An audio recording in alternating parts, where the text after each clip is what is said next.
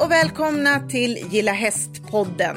En helt ny podd i manegen av poddar. I Gilla Häst-podden kommer vi såklart att prata häst, men vi kommer inte att prata galoppombyten, bett och ge träningstips. Nej, det överlåter vi till andra. I den här poddserien kommer vi istället att prata om hur hästar gör skillnad.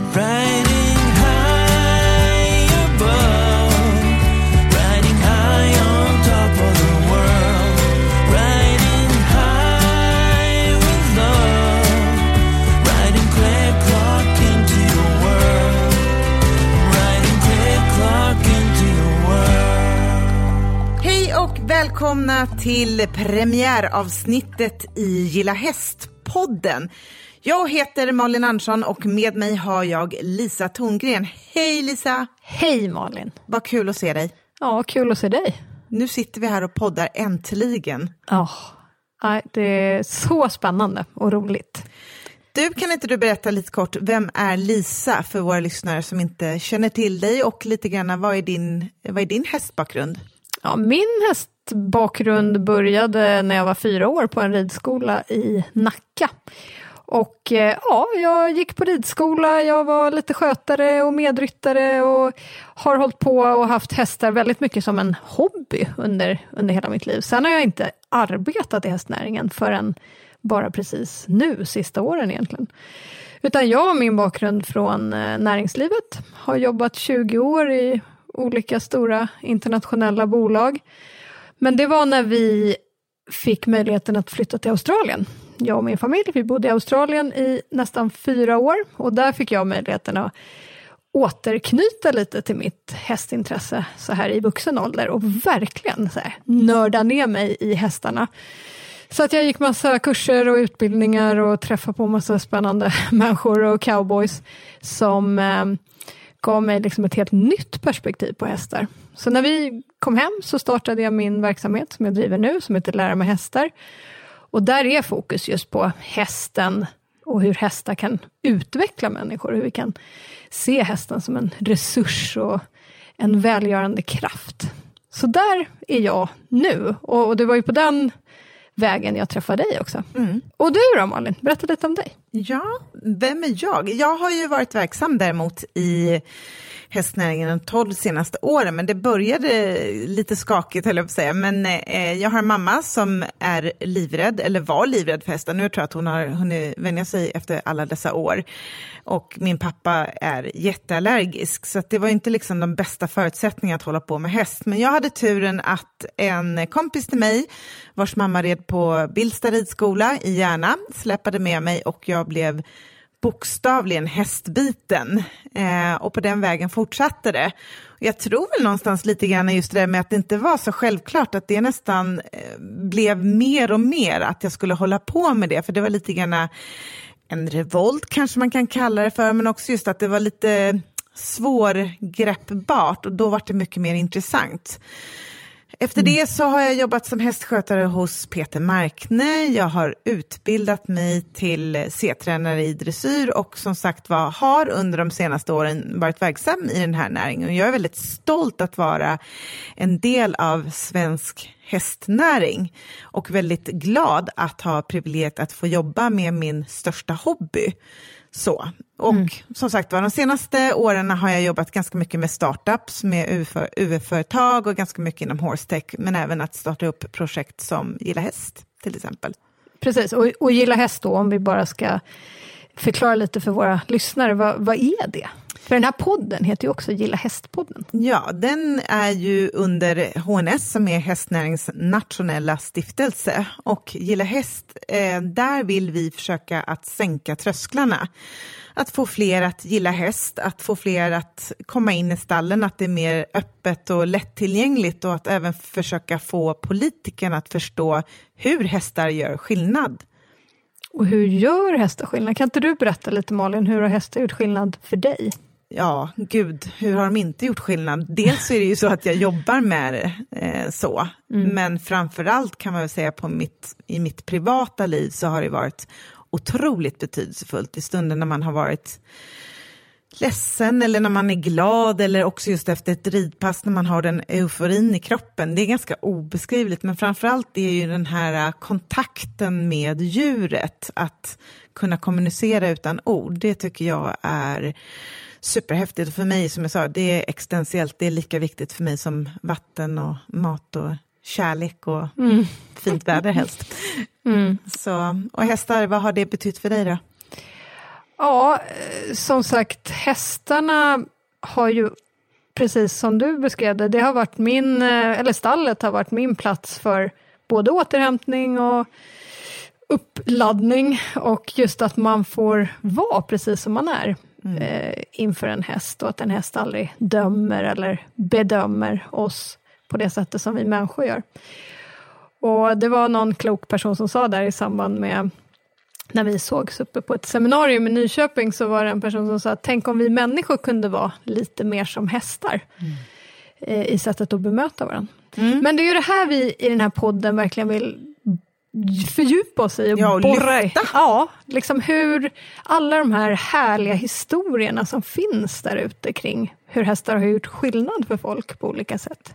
Och även som sagt var kunna inspirera politiker och i skolan och eh, vården eh, eller andra att våga ta steget ut att jobba inom grön rehab till exempel, eller gröna näringar som hästnäringen faktiskt tillhör. Eh, och med det har vi ett enormt bra sätt att kunna göra det genom en podd. Och vi ska ju, vi vet ju redan nu de första gästerna vi ska träffa. Kan inte du berätta lite så lyssnarna blir lite sugna? Ja, men absolut. Eh, I första avsnittet så kommer vi att träffa Humlamaden, eh, stiftelsen Humlamaden och eh, du känner ju till dem sedan tidigare. Det är kanske är bättre att du tar det ordet det- faktiskt. Ja, precis. Det är ju Liselott som eh, driver eh, Humlamadens rehab, som nu faktiskt är en stiftelse. Och Liselott har ju hållit på i 20 år, så jag skulle väl säga att hon är lite så här pionjär inom just grön rehab och hur man kan använda hästar och, och, och djur. Hon har ju också terapihundar i sin verksamhet för att hjälpa människor. Och eh, vi ska ju få, hon ska ju själv få berätta givetvis, men, men det är ju svårt sjuka människor som, som kommer till Humlamaden och får läka. Och det här är ju människor som har bollats runt ofta inom vården och eh, inte fått eller hittat den hjälp som de faktiskt behöver. Så ehm, ja, och just att höra hennes resa från att ha varit en ja, gårdsverksamhet till en internationellt erkänd, erkänt behandlingscentrum, om man nu får säga så.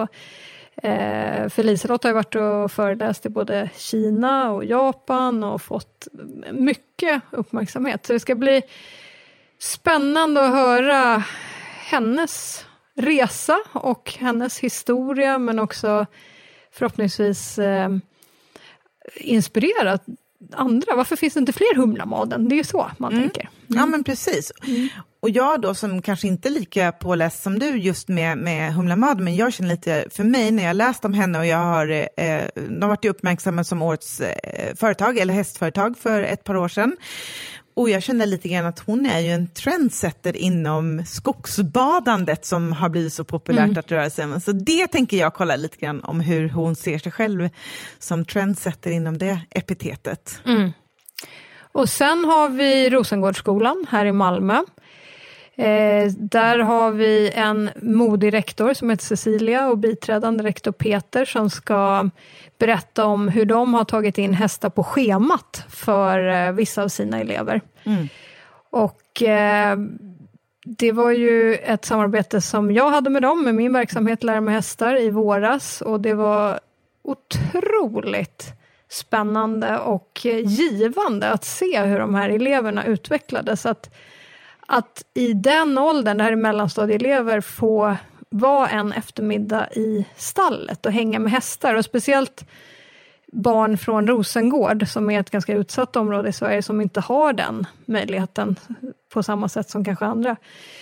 Eh, så där ska Cecilia och Peter få berätta vad har det gjort för skillnad, hur gick det här till? Och, och just eh, se, igen då, kan man inspirera andra att testa det här? Mm. Och lite grann också, så här, som sa, kunna föra det vidare till andra skolor som kanske är nyfikna på hur, hur det går till eller hur startar man upp en sån här sak och vilka, vilka beslut ska tas och så vidare. Så att, ja, det ska ju bli otroligt spännande. Ja, och sen har vi ju Yasin, Malin. Ja, Yasin eh, Hai Abdo som jag satt och scrollade eh, på sociala kanaler och fastnade på en artikel, eller i, i en artikel från, jag tror det var Svenska Ridsportförbundet, eh, med en kille främst. Framförallt tyckte jag det var intressant att få lite mer jämställt i podden och i, i, eh, ja, men i, ute i stallarna också. så. Det behövs ju liksom tjejer och killar för att få en bra balans, så är det ju.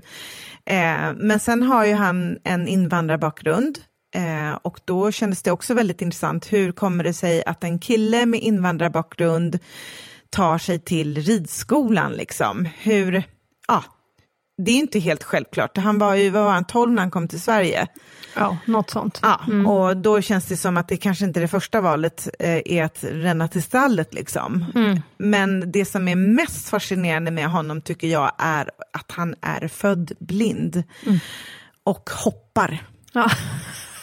Det är liksom... Äh, det går över mitt förstånd. Ja, men lite grann. Och jag kände verkligen så här, när jag hade läst den här, att jag är då en eh, 47-årig medelålders, lite lätt överviktig med eh, läsglasögon på näsan och jag är livrädd för att hoppa min häst. Liksom. Vad är det för ursäkter?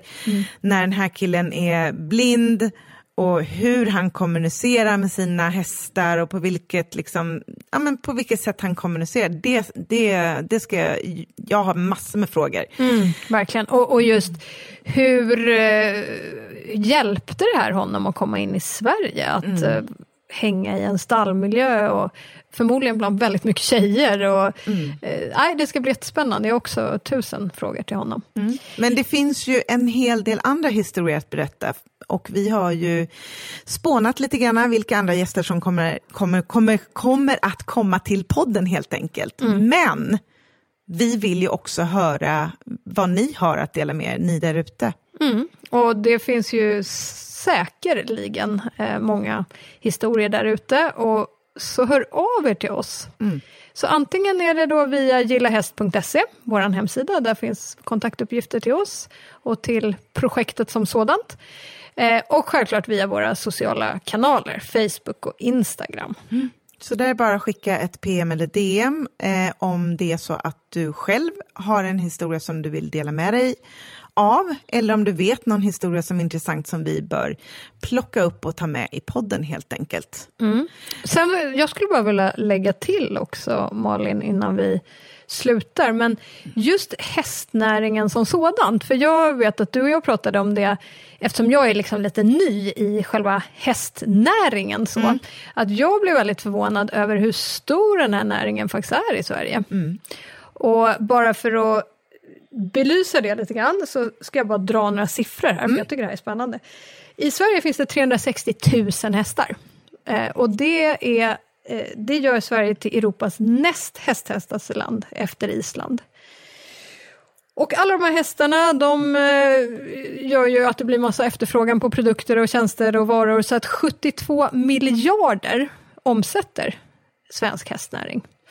Och skapar dessutom 38 000 heltidsjobb. Så det, det är en stor näring och det känner jag att det hade inte jag riktigt koll på. Och dessutom en väldigt stor hobby. Vad har vi antalet utövare där? Ja, över en halv miljon svenskar ägnar sig åt hästar på sin fritid. Och ridning är idag vår tredje största sport i Sverige. Och Dessutom- inom handikapp ja. också. Exakt, och, och eh, ridning är faktiskt en av de största sporterna eh, inom handikappsidrotten. Så eh, det vill vi också slå ett slag för. Att faktiskt lyfta hästnäringen som en näring. Nej, men det är som jag tidigare sa, jag är superstolt att vara en del av den här näringen. Men jag tycker också att det ska bli jättekul att få prata med dessa människor med olika föreningar, organisationer och eh, ja, hästföretagare. Innovatörer. Innovatörer också för den delen. Så eh, vi säger väl som man brukar göra, häng med. Häng med!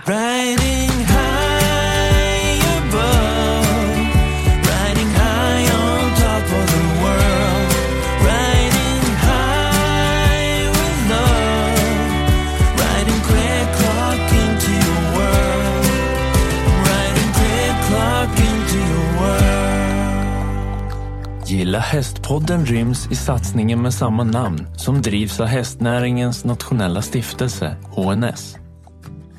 Läs mer på gillahäst.se och följ oss gärna i sociala kanaler.